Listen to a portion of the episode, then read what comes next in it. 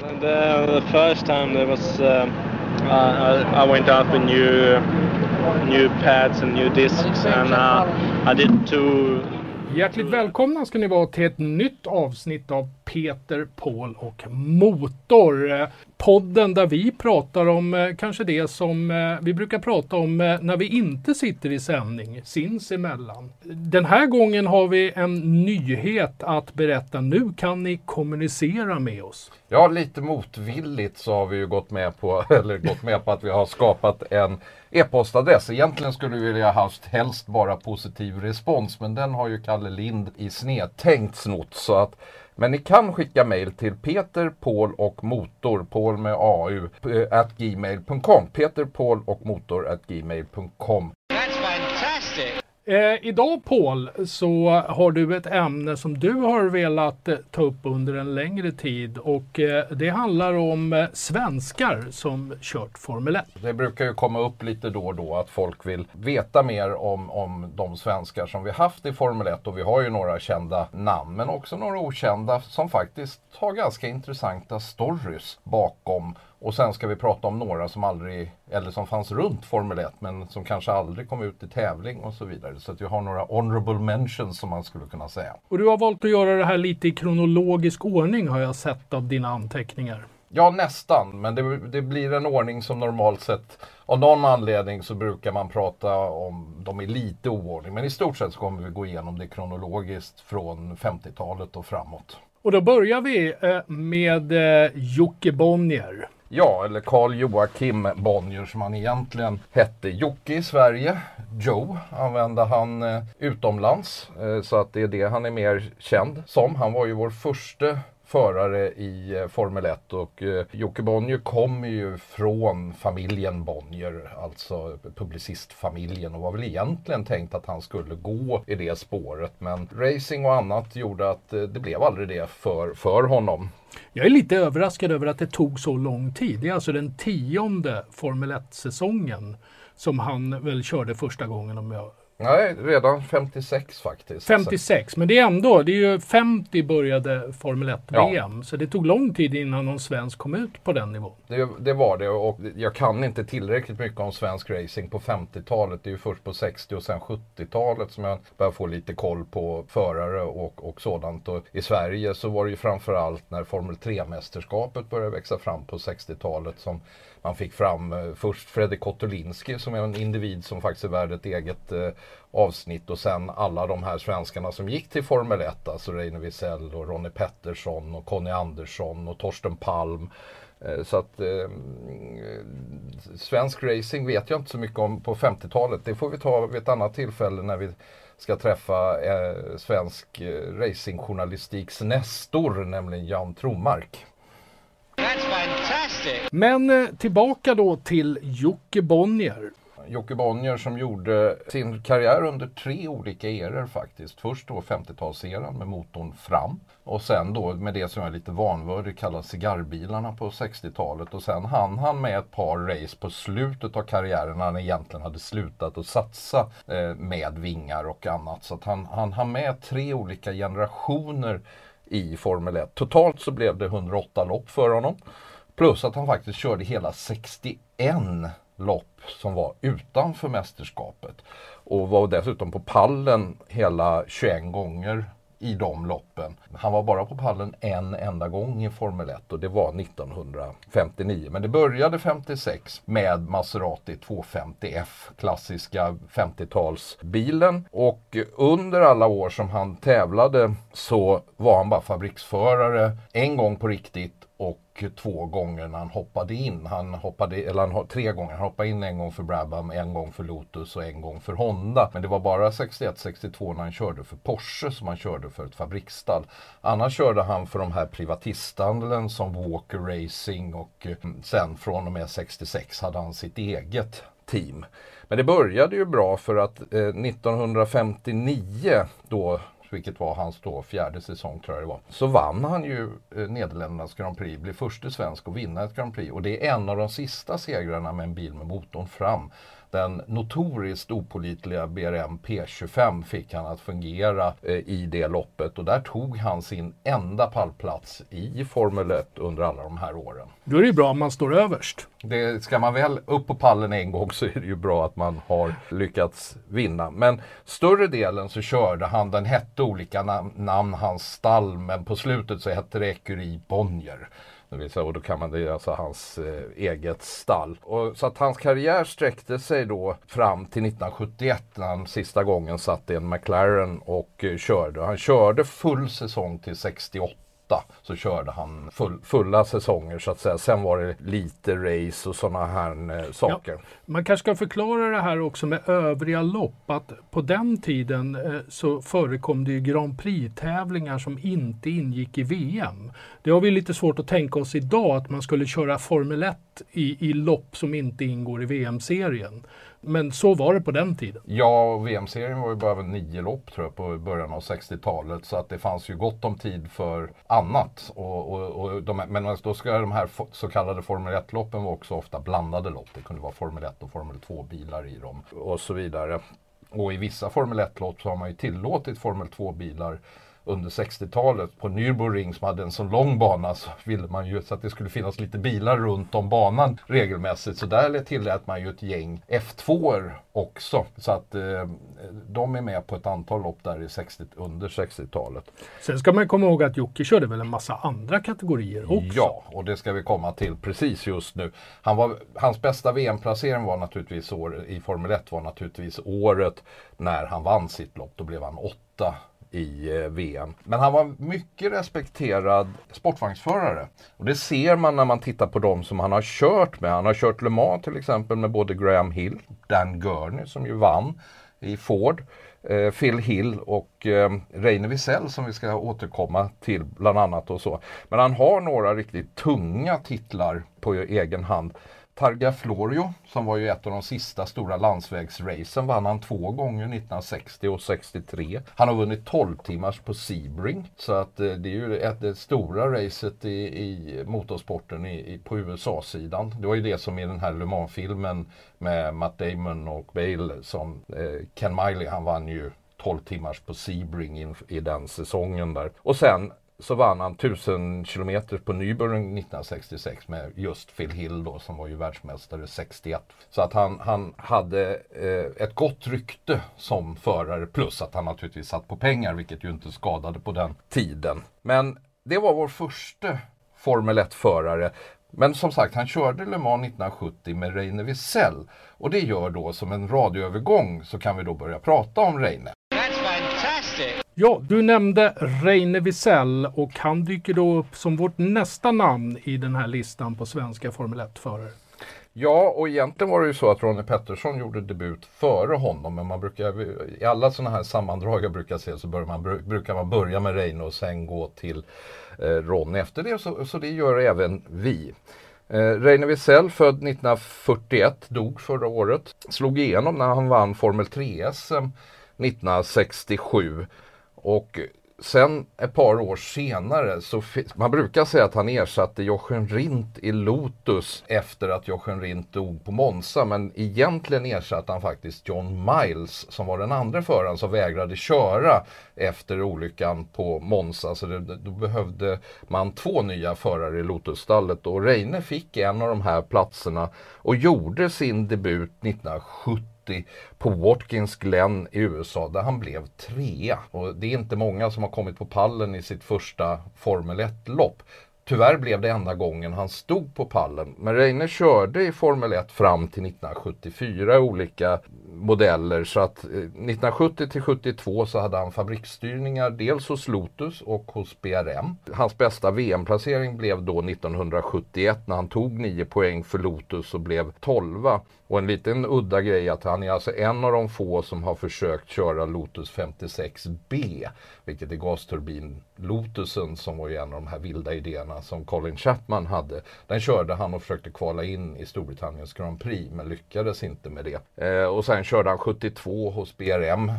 Vilket inte var något bra år för BRM även om det var då man vann ju genom eh, var det Chaboy tror jag det var som, som vann eh, Monacos Grand Prix men bilen var inte bra längre. vid den tidpunkten. Och sen så började han med det här att köpa sig platser. Så 73 så kom han inte till start i Sverige. Han var där och, och körde en March 731 vilket jag är, anser är en av de bilar som går in på topp 5-listan av fula Formel 1-bilar. och eh, han kom till start i Frankrike men bröt där. Och sen gjorde han sin sista Formel 1-start i Sveriges Grand Prix 1974. Eh, och då körde han March också, men då 741 och det är den som sen blev 51 och 61. Alltså det var den Marchbilen som har den här fasta frontvingen som bland annat Ronnie Pettersson vann på Bonsa med 1976. Och det var hans Formel 1-karriär. Totalt 23 lopp blev det för honom. Och sen körde han också fyra starter på Le Mans under de här åren. Där vill vi också påminna om att eh, under den här eran hade man ju ett så kallat förkval också. Att team fick köra ett, ett kval för att få vara med och kvala. Och det var ju de här nykomlingarna och även då äldre bilar som inte riktigt färgade in längre. Så att eh, det kan ju ha förekommit också att de här förarna har kört förkval men alltså inte kommit till start i racen. Ja, för det var ju på den här tiden att tillverkare som BRM gjorde ju bilar som, alltså custom cars. Du kunde köpa en bil av dem. En, jag har tittat sett lite siffror nu när jag, när jag gick igenom inför det här programmet och du kunde köpa en bil för ungefär en miljon kronor. Vilket inte låter så mycket nu, men då ska man komma ihåg att vid den här tidpunkten så var ju en årslön 30-40 mellan 30 och 45 000 kronor.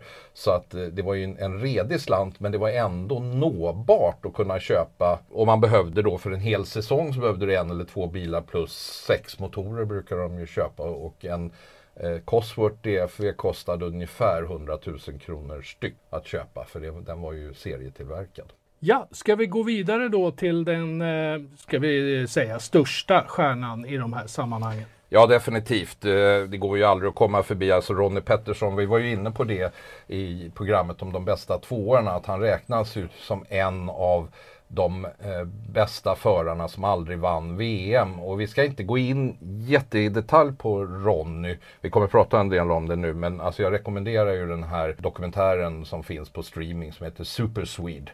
Det är en bra dokumentär om man vill följa Ronnys karriär mer i detalj. Men om vi då tittar på Ronnys karriär. Han, han föddes ju 1944 och dog ju tragiskt på Monza 1978. Ett lopp som jag faktiskt såg, inte på plats, men jag såg det på, på TV. Jag kommer ihåg ja, det där. gjorde jag också. Såg det live på TV när det gick. Det var så sällan de visade Formel 1 på TV på den där tiden. På svensk TV då. Så att man, när det gick så då, då bänkade man sig. Ja, och det blev 123 lopp för Ronny och 10 segrar och det är han ju överlägset bäst med i svenskligan och det tar honom ganska högt upp i, även i modern tid när det gäller antalet segrar nu, även om då Eh, Supermax har, har vunnit eh, 10 lopp på raken. Men att ta 10 segrar under 8 år, det är ändå ett, ett väldigt, väldigt bra resultat. Och dessutom, eftersom man, att man sa, folk sa ju alltid att han bryter eller så vinner han.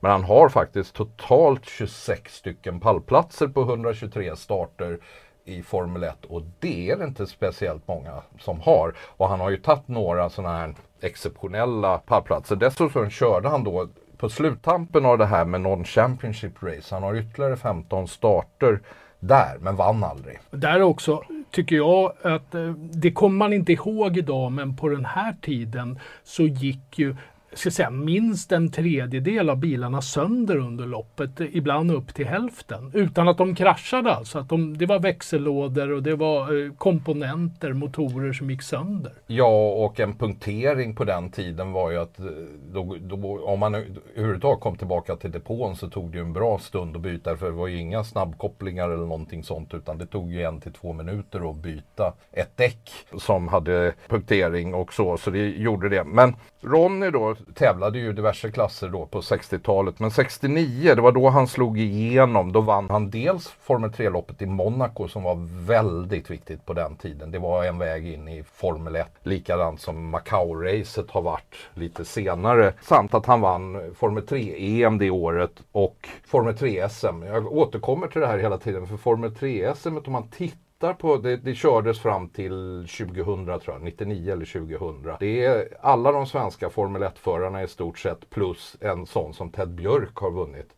Men sen försvann Formel 3-SM. Men så det har varit en viktig del av svensk motorsporthistoria. Men det här gjorde ju då att han 1970 först fick kontrakt med en bilhandlare som hette Colin Crabb. Som körde under två år så hade han ett Formel 1-stall. Det är ett återkommande tema i Formel 1 fram till början av 70-talet är att bilhandlare som har lyckats de startar egna racestall. Rob Walker är ett sånt stall. Owen Gray är ett annat. Så det fanns sådana här. Och han körde första säsongen för Colin Colin Crab Racing och eh, Antique Automobile Racing Team, vilket var Colin Crab då. Tog ingen poäng första säsongen. Eh, 1970 startar förresten också Ronnie Pettersson enda gången han startar i Le Mans.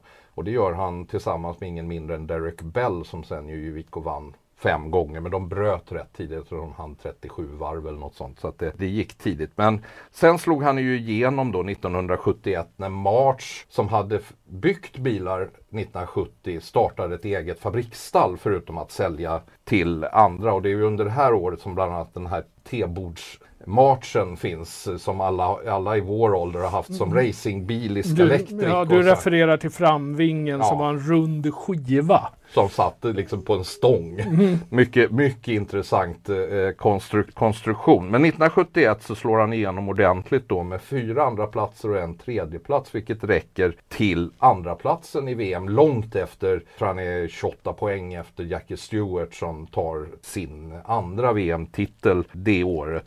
Men det som är, och han vann Formel 2-EM det året också. Men det som är lite intressant är att ett av de mest eh, fascinerande Formel 1-loppen kom han tvåa i. Och det var Italiens Grand Prix 1971 när han var de tre på pallen. Det skilde 900 delar emellan eh, Peter Gethin som vann och sen så var, var Ronnie Pettersson tvåa och eh, tror det var Depalier som var trea. Och de fem första så var det en halv, eller sex tiondelar som skilde på. Och det var där, det loppet också, för övrigt som en liten parentes, att Mike Halewood gjorde sin Formel 1-debut och blev fyra i det racet. Vilket var ju en av de bästa placeringarna han lyckades med i hela sin karriär. Ja, Mike Halewood som ju eh, är känd som Mike the Bike och en väldigt framgångsrik GP-förare och Isle of Man-förare.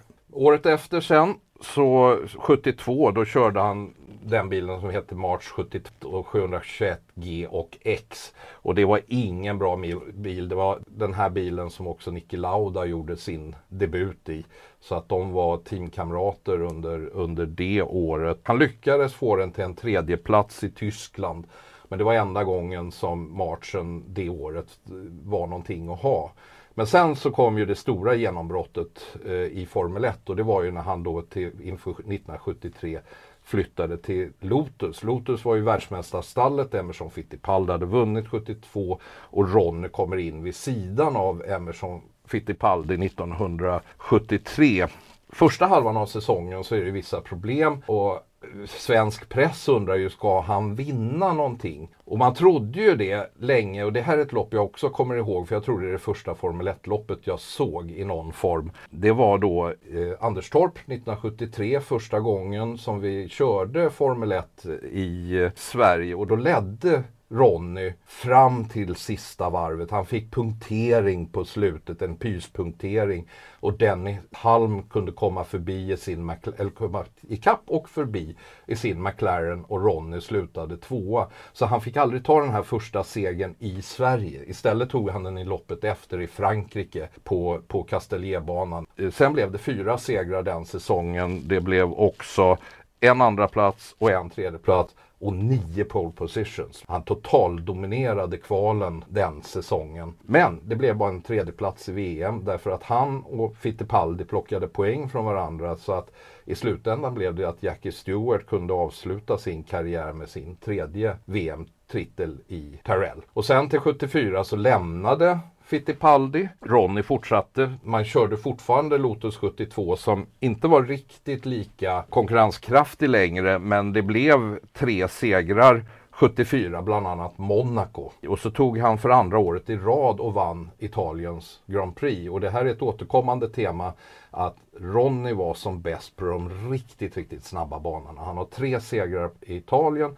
Han har två segrar i Österrike på föregångaren till Red Bull Ring som hette Österreichring. Som var så snabb så att förarna var ju rädda för den banan. För de, jag tror de snittade 230 eller någonting sånt. Det var liksom enorma farter på den banan. Ja, redan på den tiden. Och Ja. Monza på den eh, var ju Italiens Grand Prix då som nu. Och eh, där snittar man ju idag över 250. Men det det var nästan lika snabba eh, snitthastigheter på den tiden. Och sen så då, men han stannade kvar då 75. Men då, var det, då, då kom ju den här Lotus 76an som var med automatlåda och ja, den var ju oerhört mycket grejer i men det, ingenting av det fungerade ju i stort sett. Så till slut så fick man ju plocka fram 72an igen. Men nu var den ju alldeles för gammal och det blev bara en fjärdeplats just i Monaco för honom det året. Och året efter så gick han tillbaka till March. Eller han började, om man ska säga så här, det började med att han och Jackie X körde första racet för Lotus 1976 och sen vägrade båda två att fortsätta att köra.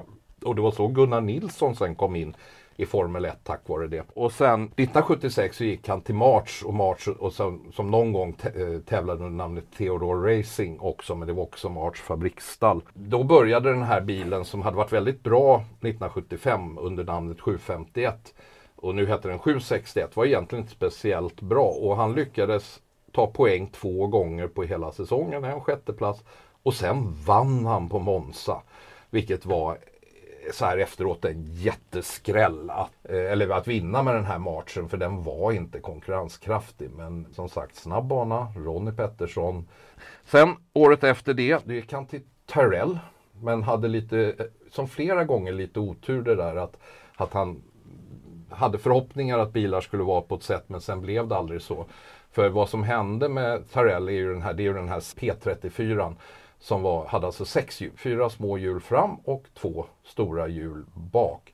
Problemet var att i början på säsongen så slutade, jag tror det var Goodyear, att utveckla däcken. Och det gjorde att bilen var inte alls lika konkurrenskraftig 1977 som den var 76. Så att han kom trea i Belgien. Det var hans enda pallplats den säsongen. Säsongen efter där då så signade han med Lotus igen. Och, eh, men det, här var det ju viktigt att Lotus hade ju Mario Andretti som första förare så han signade ju som andra förare. Ja, uttalad andra förare. Han, det hände ju flera gånger under säsongen att han var snabbare än Andretti men han fick helt enkelt inte ta placeringar från, från Mario utan Mario skulle vinna VM och det var de förutsättningarna som han hade skrivit på sitt kontrakt. Men det vart ju väldigt frustrerande för oss som tittade på det här.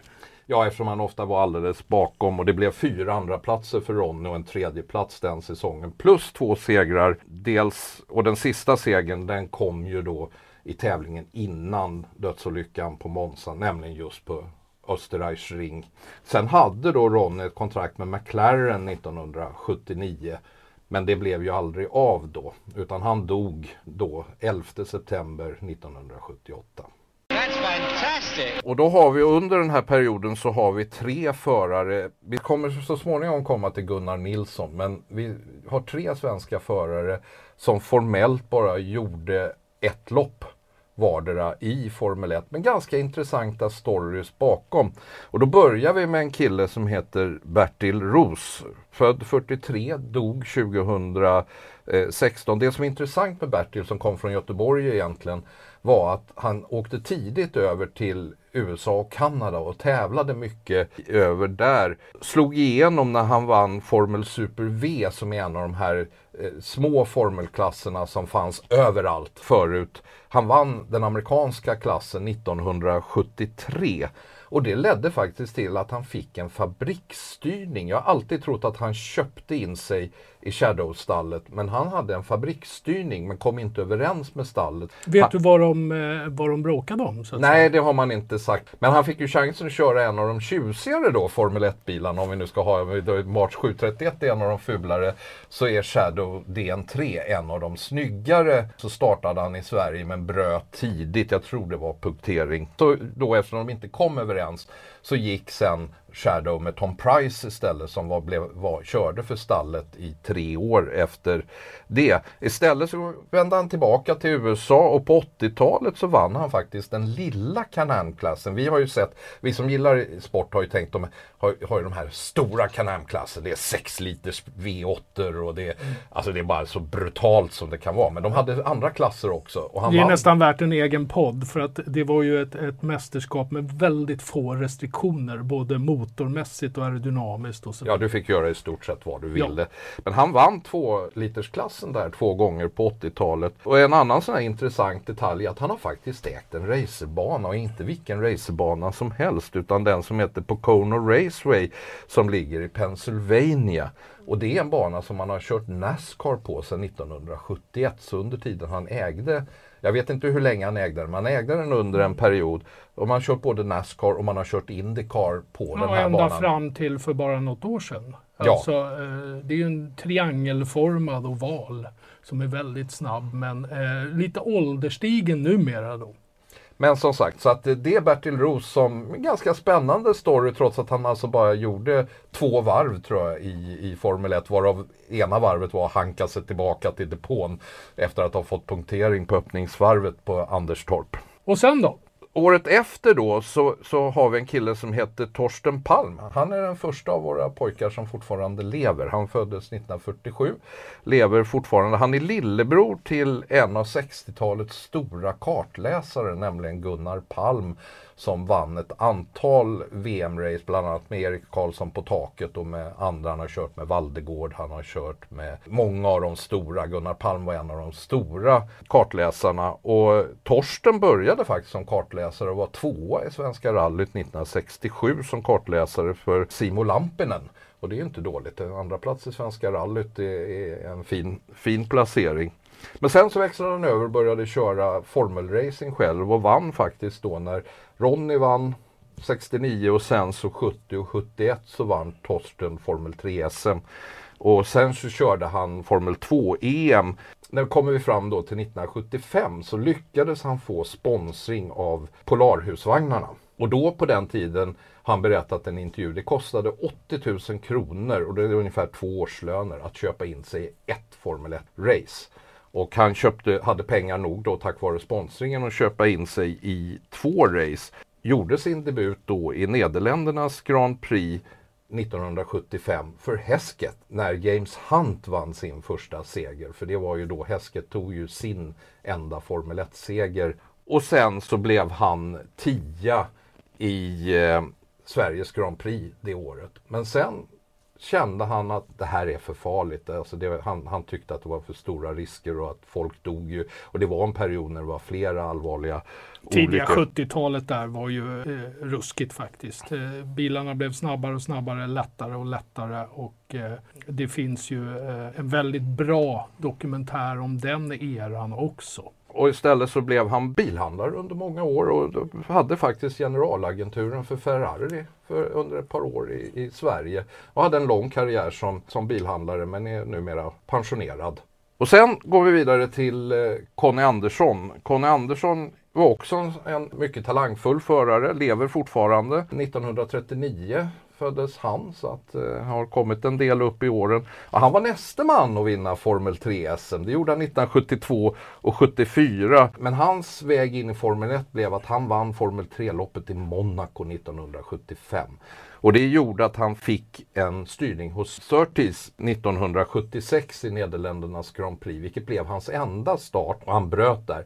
Men han hade en längre story i Formel 1 för att året efter så fick han köra hos BRM under deras sista år som de fanns i eh, Formel 1. BRM var ju det här första stora brittiska märket som levde som custom car tillverkare under alla år men hade ett fabriksstall också. Men det var en eländig bil. Det var BRM P207 hette den. Och han försökte kvala in i fyra race, bland annat Sveriges Grand Prix. Men alltså den här bilen, och de försökte kvala i nio race, BRM. Och den låg ungefär sex sekunder efter de andra i fart. Det är en mycket, Evighet. Det är en evighet och lite Ja. till. Men sen så, så slutade han att racea på den här nivån och eh, hade i många år en bilfirma i sin, där han kom, han kom från Nödinge utanför Göteborg och där eh, hade han bilfirma i många år men är nu pensionerad men lever som sagt och det är inte det sämsta att komma ur en, en racingkarriär på den här tiden i, och kunna berätta om det.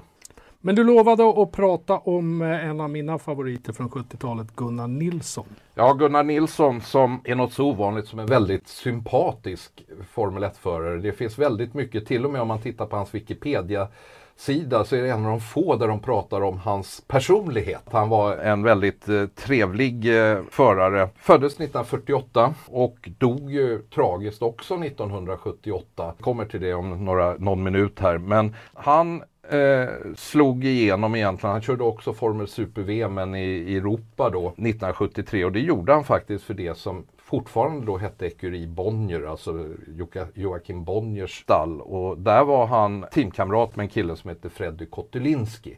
Som vi kanske får återkomma när vi ska prata om lite mer udda figurer inom racing racinghistorien. Men av kunglig börd var Kotulinski och, och vann bland annat också Formel 3-SM på mitten av 60-talet. Men det är, en, det är en intressant karaktär. Men sen så vann han det brittiska Formel 3-mästerskapet 1975 och det var ju alternativet till att vinna EM var ju att vinna det brittiska Formel 3-mästerskapet. Det var de två stora Formel 3. Minst lika svårt ska vi säga. Ja. Det var stor konkurrens där också. Och det gjorde att han fick faktiskt en test med Frank Williams 1975. Ledde till att när då X och Ronnie Pettersson hoppade av Lotus på början av 1976 efter det första racet så fick han chansen. Och hade då lite tur också att man då tog fram Lotus 77 som hade då X och Pettersson väntat så hade de fått en bil som var faktiskt ganska okej. Och det gjorde att han blev trea i Spanien det året och i Österrike och han blev tia i VM. Sen så kom ju den bilen som inte riktigt det som Lotus 79 men Lotus 78 1977 som var en, en riktigt bra bil. Det var en av de bättre Lotusbilarna ändå. Och i Belgiens Grand Prix det året så vann Gunnar Nilsson racet med Ronny på tredje plats.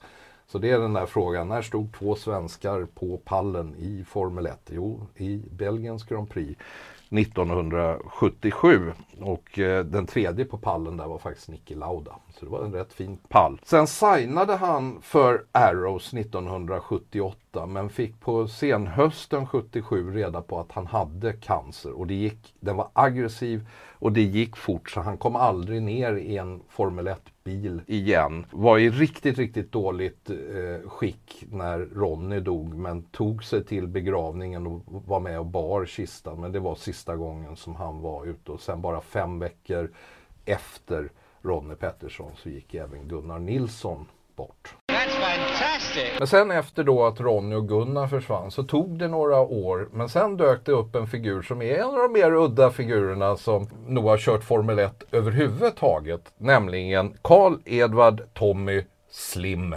Borgud.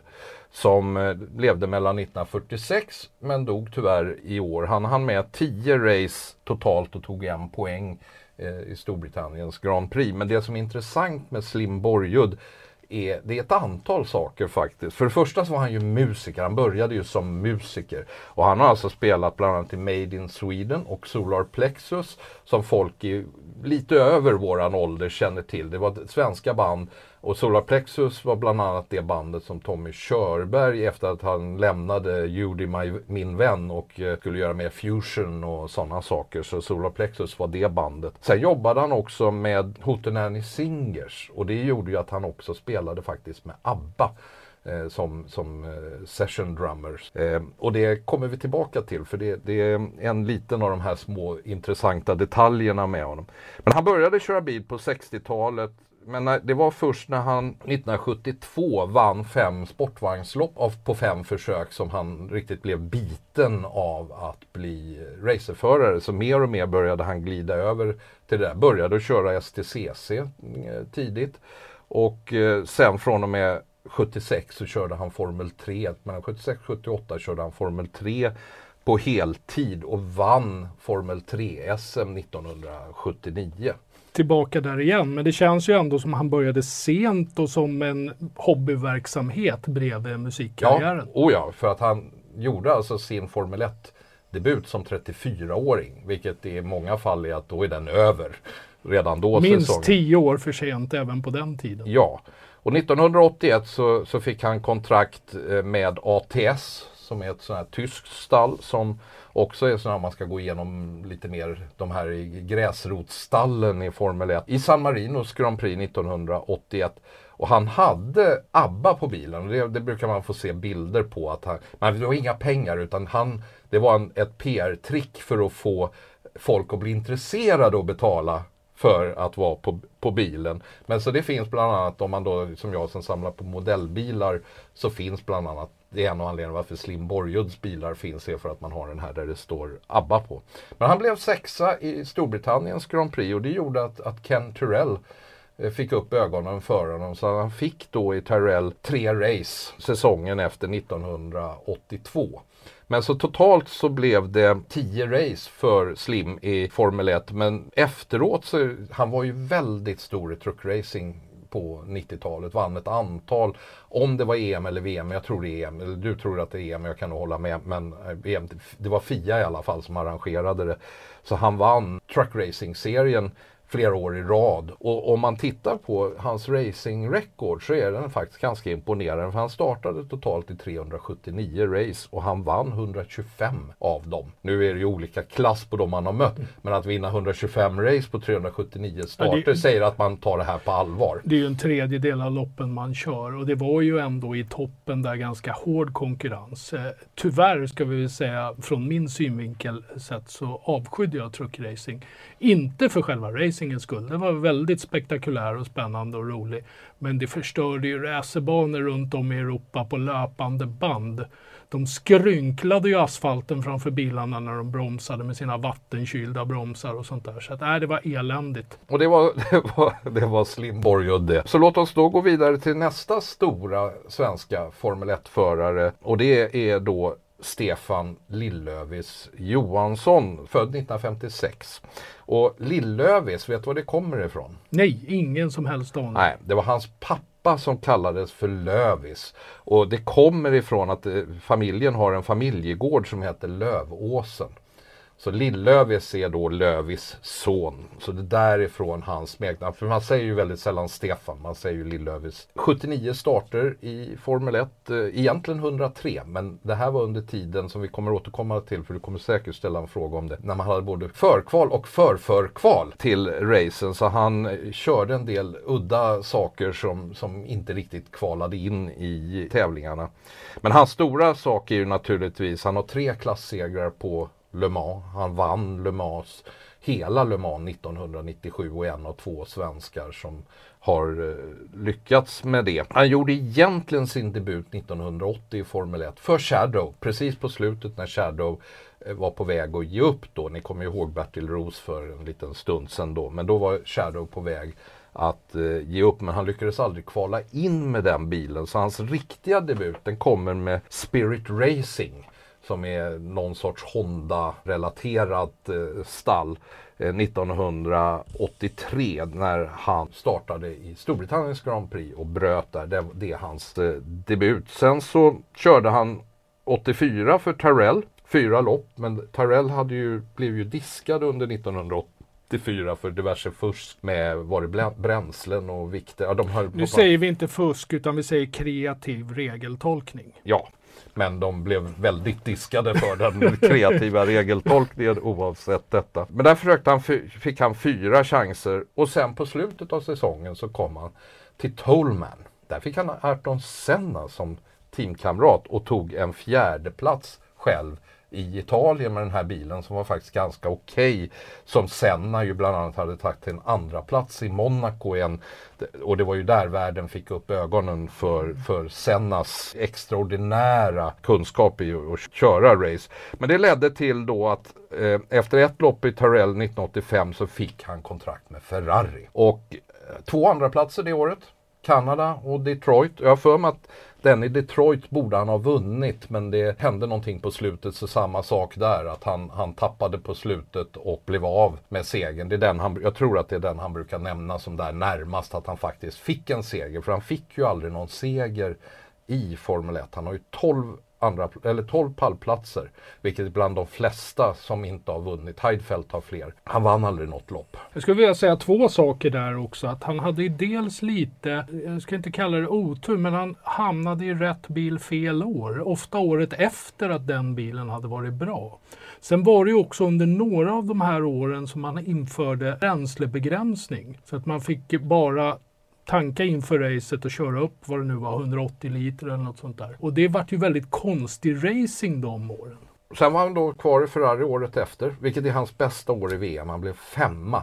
Men då var det alltså Piquet och Prost och Senna och eh, vem var det mer? Ja, det är fyra väldigt bra förare Nej, framför honom. Inga förare man behöver skämmas och komma bakom i tabellen. Nej, nej och eh, hade tre, eller fyra stycken tredjeplatser det året för Ferrari.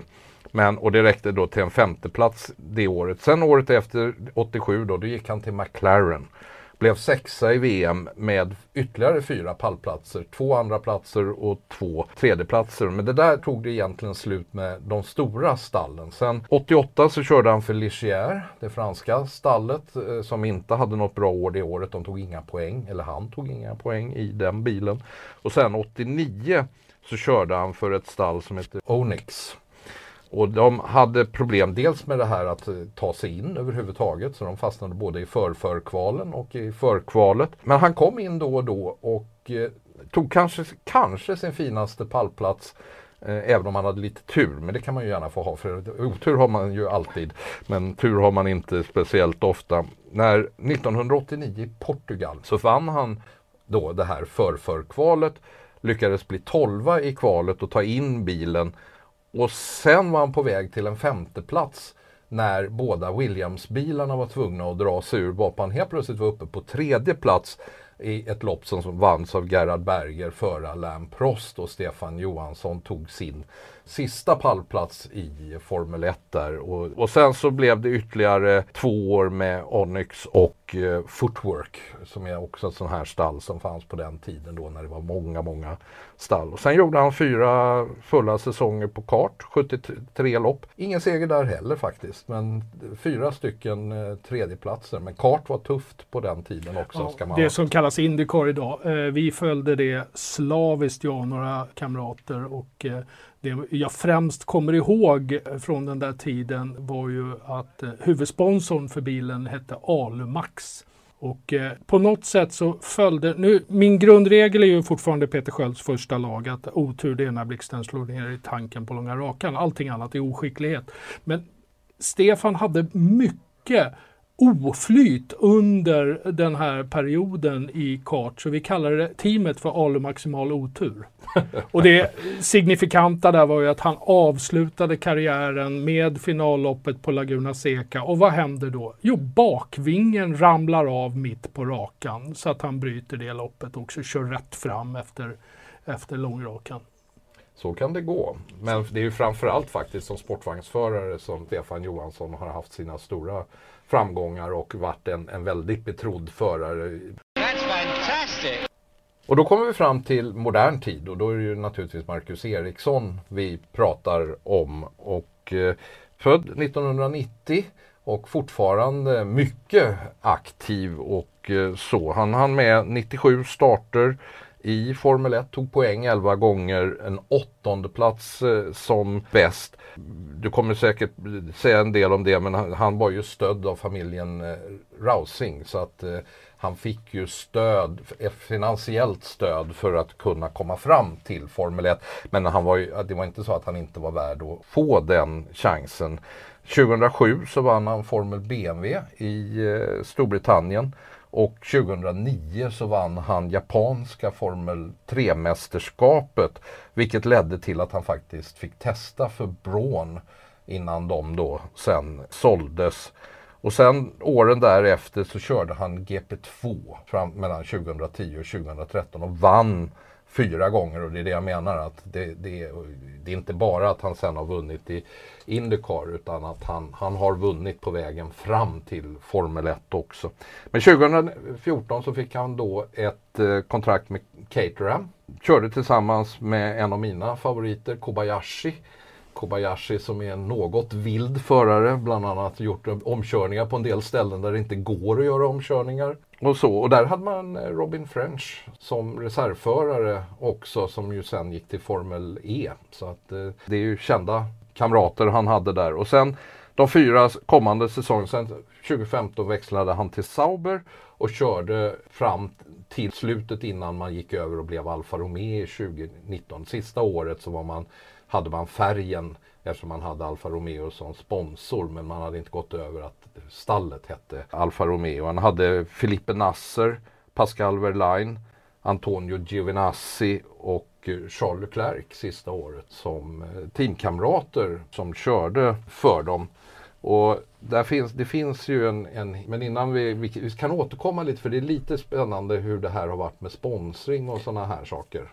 Ja, jag tänkte först säga att, att eh, mitt favoritår där var ändå första året han körde Sauber. I början av den säsongen så var Sauber ganska bra i förhållande till de andra bilarna. Och jag tror också att Marcus fick lite nytändning av att den här Caterham-bilen var inte så rolig. Men att komma in då i Sauber i en ganska bra bil. Så han tog för sig på ett sätt där som vi sen inte kanske såg under resten av Formel 1-karriären. Vi ser den nu i Indycar igen. Nu är han riktigt aggressiv och kanske framförallt, vi har ju sett hans sista varv på Indianapolis 500 och så vidare. Framförallt det året han vann. Att där finns det en riktig vinnarskalle. Men just det där första året hos Sauber tyckte jag, där fick man upp ögonen för honom. Och, och sen då, och det har ju som du sa då, det har han ju visat då nu, för nu kör han ju Indycar. Det har blivit 79 race så här långt. Fyra segrar då med Indy 500 förra året som sin eh, stora seger. Och han backar av... ju upp den i år. Uh, nu vart det ju lite rödflaggor och grejer som avgjorde racet kanske. Men att ta en andra plats direkt året efter visar ju att vilken potential han ändå har. Så det ska bli spännande att se vad, vad svenskarna i Indycar kommer att kunna göra 2024 definitivt. Men man ska säga också det att han, han har ju varit backad av familjen Rausing och det är ju så att Rausing, antagligen tillsammans med far och son Persson äger stora delar av Sauberstallet idag. Så att vi har, det är det närmaste vi idag kommer involvering av svenskar i Formel 1. Sauber som ju om två år ska bli Audi, alltså till säsongen 2026. Vad de kommer att heta de två åren emellan är jag inte riktigt klar på ännu. Vet du det kanske? Nej, jag vet inte riktigt vad de har tänkt sig. För jag vet det blir inte Alfa Romeo mer i alla fall. Nej, så det kanske blir att Sauber återkommer till Formel 1 under två år det är ju ändå grunden i Hinwil i, i eh, Schweiz är ju grunden. Det är ju ett av få stall som har de flesta eh, ingenjörerna utanför Storbritannien. Det är ju eh, Toro Rosso i Italien, det är Ferrari i Italien och så är det ju just Sauber, eller ja då Alfa Romeo-stallet nu i Schweiz. Annars så är ju sporten väldigt anpassad eller, i Storbritannien.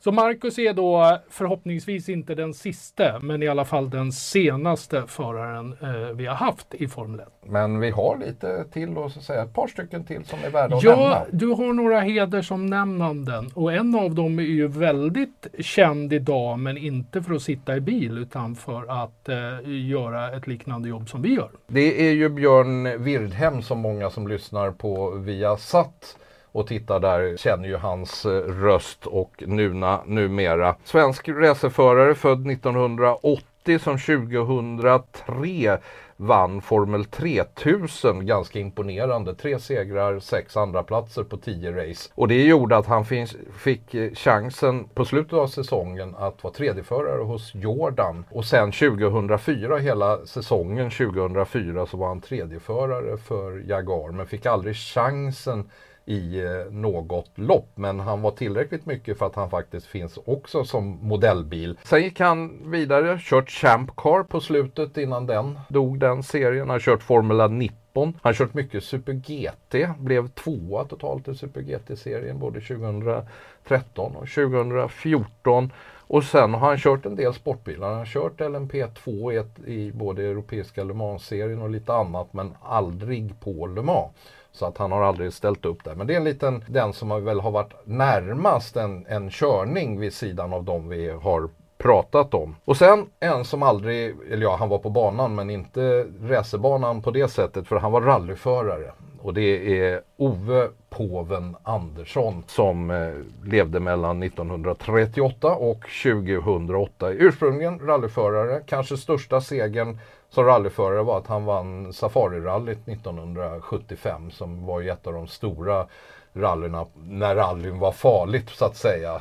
Om man säger så. Sen blev det väl, eller det blev mer organiserat. Farligt har det alltid varit. Han vann då Safarirallyt 75 och hade då ett eget motorsportstall som hette Andersson Motorsport som sen han döpte om till Toyota Team Europe och flyttade ner till Köln. Och han körde rally-VM mot Toyota, eller inte han körde inte men han hade stall så han hade förare som Valdegård, Sainz, Ariol och en del andra som körde då rally-VM för Toyota under hans flagg. Och 1993 så köpte Toyota bilföretaget, köpte stallet. Man tävlade bland annat i Le Mans 98, eller eh, jo 98, 99. Där man en andra plats som bäst. Men sen satte man faktiskt Ove på att starta Formel 1-stallet som ju kom till start då och han var ansvarig för den här satsningen mellan 2001 och 2003. Så att han fick upp stallet och fick ut dem på banan. Sen fortsatte man ju några år. Tyvärr är det väl en av de stora satsningarna som aldrig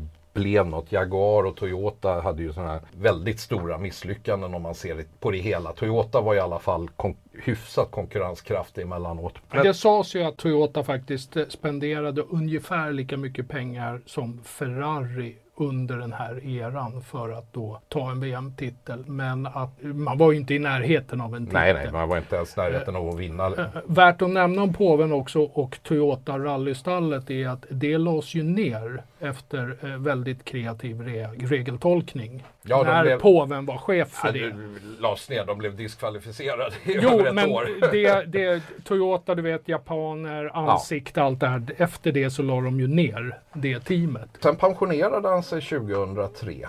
Men sen omkom han tragiskt i ett veteranrally faktiskt. Eh, 2008 i eh, Sydafrika och Formel 1-stallet hedrade honom då genom att ha svarta sorgband på bilen och Trulli tog en av få pallplatser just i det racet och tillägnade pallplatsen till eh, Ove Andersson, en av de stora i svensk eh, motorsport. Kanske lite bortglömd idag, men en av de riktigt stora. Och sen har vi ett litet heders, hedersomnämnande eh, då. Alex Danielsson som ju kommenterar på Discovery, kommenterar Formel E. Född 1981. Eh, svensk racerförare som vann Formel Renault 3.5 eller The World Series by Renault vann han 2006. Och det var en stor serie in i Formel 1 på, på den tiden. Eh, det året han körde så Pastor Maldonado kom trea i serien. Vettel körde ett par race innan på väg in i Formel 1 och tittar man på sådana som har vunnit